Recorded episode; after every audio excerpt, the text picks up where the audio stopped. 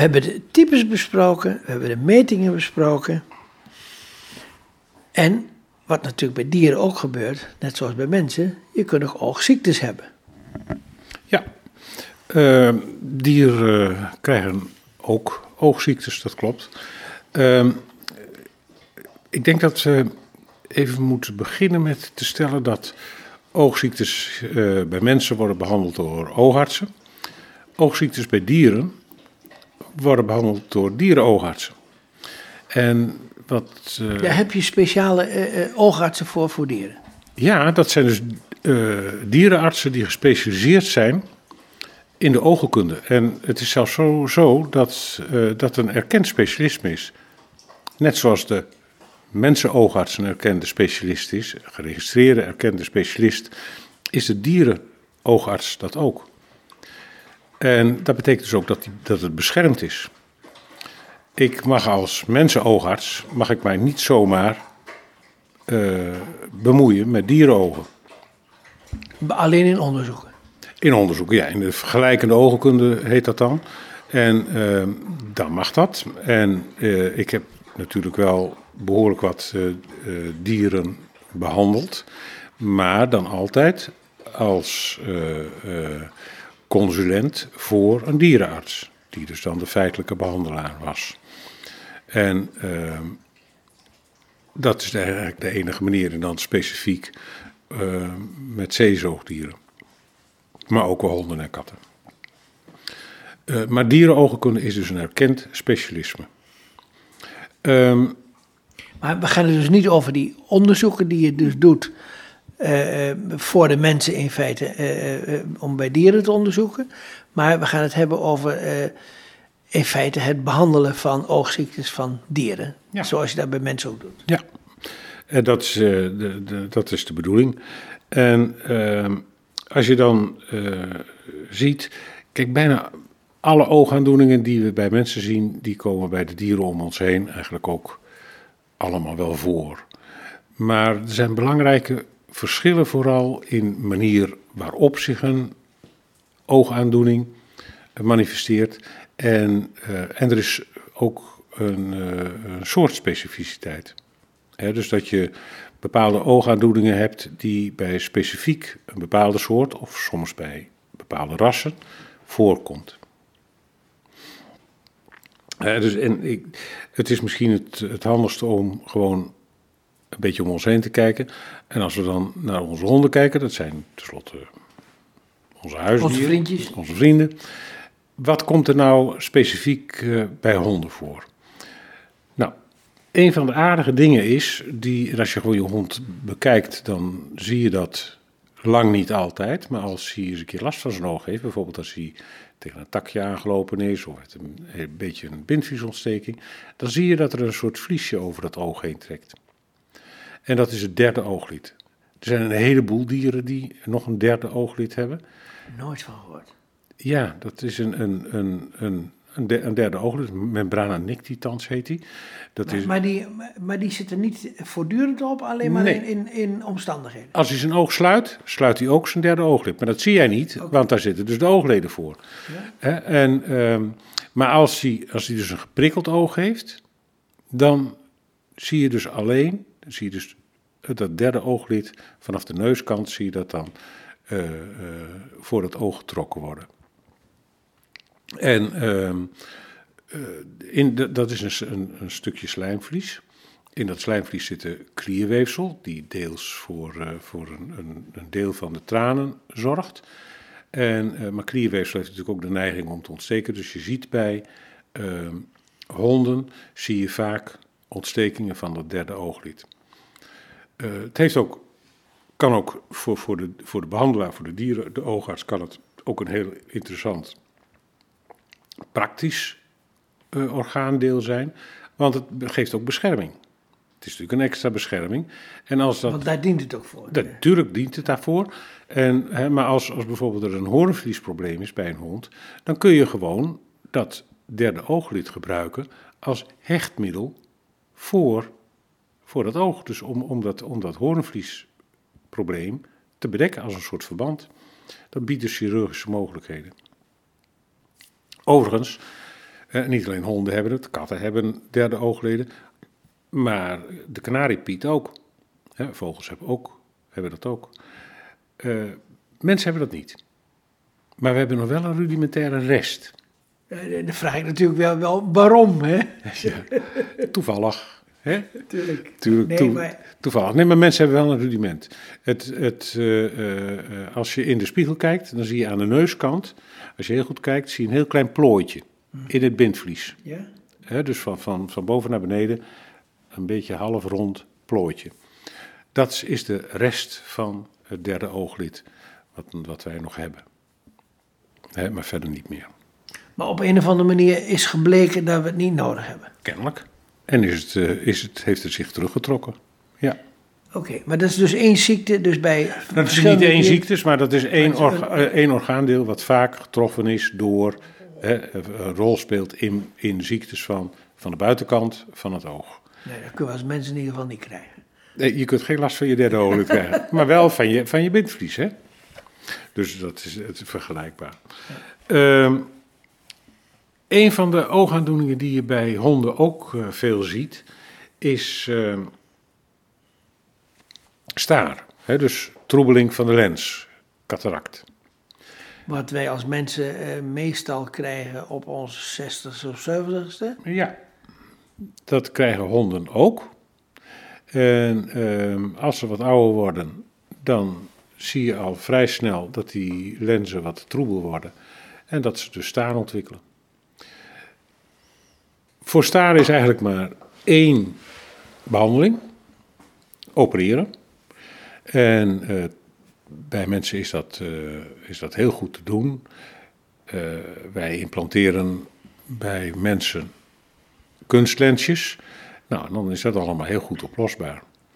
In principe gebeurt bij honden precies hetzelfde. Een staaroperatie bij, hond, bij honden is gewoon dezelfde staaroperatie als ook bij mensen. Er zijn zelfs implantlenzen voor honden. Er zijn firma's die voor honden implantlenzen maken. Of dat dan allemaal zo strikt nodig is, dat kun je je afvragen. Maar wat je in zijn algemeenheid kunt zeggen, dat is dat alle technieken die wij, mensen, humane oogartsen, tot onze beschikking hebben, heeft die dieren, dierenoogarts ook tot zijn beschikking. Als je hè, zo bij, bij toeval eens een OK binnenloopt, een dierenoogkundige OK, met een operatiemicroscoop en alles erop en eraan, dan zie je niet dat men niet bezig is met een staaroperatie bij een mens, maar bij een dier. Het is gewoon allemaal precies hetzelfde. Maar wat is de reden om uh, dieren te opereren aan de ogen? Nou, weet je, het is, bij, bij honden is het zo dat het uh, meestal niet zo verstandig is om een al te oude hond, zo jaar of 10, 11 en, en ouder, om die te opereren. Want vaak is de staar die die honden hebben niet het enige probleem. Uh, althans bij een, bij een behoorlijk aantal. Maar zijn er ook andere afwijkingen in zo'n oog uh, uh, gaande, met name van het netvlies. En dat zou betekenen dat als je die honden gaat opereren, dan stel je ze natuurlijk bloot aan, aan een anesthesie, aan een narcose. Wat natuurlijk ook niet, niet, niet echt ja, te verkiezen is als je dat kunt vermijden. En dan valt het resultaat tegen. In principe is het bij honden zo dat hoe jonger de hond, hoe beter het resultaat is van zo'n operatie. Maar het is eh, bij honden dus ook een ouderdomsziekte, de staart? Deels is het een ouderdomsziekte, zoals dat bij ons ook is. Maar dat zei ik net, van, er zijn natuurlijk ook andere oogaandoeningen die een versnelde vorming van staar met zich meebrengen. En dat zie je bij honden vrij veel. Dus dat is een van de redenen waarom je voorzichtig moet zijn om zomaar een oude hond aan zijn staart te opereren. Er is nog een punt. Uh, wij mensen hebben redelijk gemakkelijke ogen, als je dat chirurgisch bekijkt. Hè? Uh, ons oog uh, laat zich eigenlijk heel prettig opereren. Dat is, dat, je krijgt een, een, reactie, een, je krijgt natuurlijk altijd een reactie als je opereert van, van zo'n orgaan. En, uh, maar dat laat zich over het algemeen goed in de hand houden. Als je een hond opereert, dan krijg je een ongelooflijk veel sterkere reactie, hè, dus prikkeling, door de operatie dan bij mensen. Dus je moet veel meer op je hoede zijn. Dus de dierenoogarts moet veel meer op zijn hoede zijn als hij een hond opereert aan een staar dan de mensenoogarts een mens. En meer verdoving nodig? Het gaat niet om de verdoving, het gaat om de prikkeling die ontstaat door het operatieve geweld. Oh, na die tijd dus? Ja, na die tijd. Je moet dus de, de ontstekingsreactie, die volgt op iedere operatie, mhm. moet je bij een hond veel sterker afremmen dan bij een mens, omdat hij anders in grote problemen raakt. Dus dan moet de, de hond aan de druppels? Uh, ja, bij honden, ja, nou, druppels, dat gaat bij honden natuurlijk heel goed. Maar ehm, eh, vaak moet dat ook gewoon per injectie. Mm. dus dat je stevig, stevige ontstekingsremmende middelen spuit. Ja. En als we even bij de hond blijven, wat, wat kan de hond nog meer voor ziektes krijgen? Nou, een van, de belangrijkste dingen, ik, ik noemde het net al even al terloops, ehm, de, de netvliesaandoeningen daar, uh, dat is een behoorlijk probleem. We hebben uh, onze honden. Kijk, als je, als je een hond gewoon zijn gang laat gaan. Hè, dus we bemoeien, bemoeien ons helemaal niet meer met raskenmerken of wat dan ook. Je laat honden gewoon hun gang gaan. Dan ontstaat er een soort middenslaghondje. Hè, dus dus een, een, een, een, hond van, van, wat zullen we zeggen, uh, 40 centimeter Ja, een gemiddelde hond. Hè, dus een gemiddelde hond. En uh, dat is het dan. Kleine hondjes, grote hondjes verdwijnen. Uh, we hebben daar, weet ik hoeveel rassen gekweekt, gefokt, met alle problemen van dien. Dat, want als je op specifieke kenmerken fokt, betekent dat je daar ook specifieke... Dus je bedoelt eigenlijk, de, de, er zijn een aantal oogziekten zijn erin gekweekt? Absoluut. Er zijn, de collie heeft een heel bekende oogziekte, een hele vervelende oogziekte. Uh, de, de setters en de, de uh, retrievers hebben dat. Nou, je hoeft maar naar die kleine hondjes te kijken, die Franse bulldoggen en dat soort beesten. Die hebben helemaal geen plaats meer in hun kop om die ogen uh, in op te bergen. Dus die hebben van die enorme puilogen. Mm uh, wat hoogst ongezond is, in principe. Dat zijn, feitelijk zijn dat kleine gedrochtjes. Dat, mm. dat had eigenlijk niet zo gemoeten. En zo heb je dus een aantal oogaandoeningen, met name netvliesaandoeningen eh, en uh, aandoeningen van de oogzenuw, in, die specifiek rasgebonden zijn. Nou, nou is het natuurlijk, die, die, die rasverenigingen die proberen zoveel mogelijk natuurlijk die gezonde nesten te maken. Dus die checken daarop. Dus een behoorlijk deel van het spreekuur van een dierenoogarts is het bekijken, het controleren van nesten pups op dit soort aandoeningen. Ja, en, en, en als ze niet voldoen? Ja, dan mag er niet mee gefokt worden. dus dan krijgen ze fokverbod op uh, met die honden. Ja. Goed, eh, en ehm, nu nog andere uh, ziektes bij andere beesten? Nou ja, hond is waarschijnlijk nummer 1 als huisdier. Nummer 2 is natuurlijk de kat. Mm uh, de kat is een, uh, een bijzondere figuur. Die heeft, uh, ook, een aantal, die heeft ook staarontwikkeling, maar lang niet zo uitgesproken als bij honden. Maar waar de kat met name gevoelig voor is, die heeft ehm, een aantal virusziektes die behoorlijk, behoorlijk problematisch kunnen zijn. Een van de dingen die, uh, die je bij een kat nogal eens ziet, is uh, een ontsteking van de binnenzijde van het oog. Ten gevolge van virussen die tegelijkertijd in het verdere lijf van dat beest andere ellende aanrichten. Bijvoorbeeld het beruchte katten-aids. Dus dat is een, een uh, het, noemen ze dat het, het feline immunodeficiëntievirus. Dat geeft dus doet precies hetzelfde als het HIV-virus bij mensen, maar dan bij katten.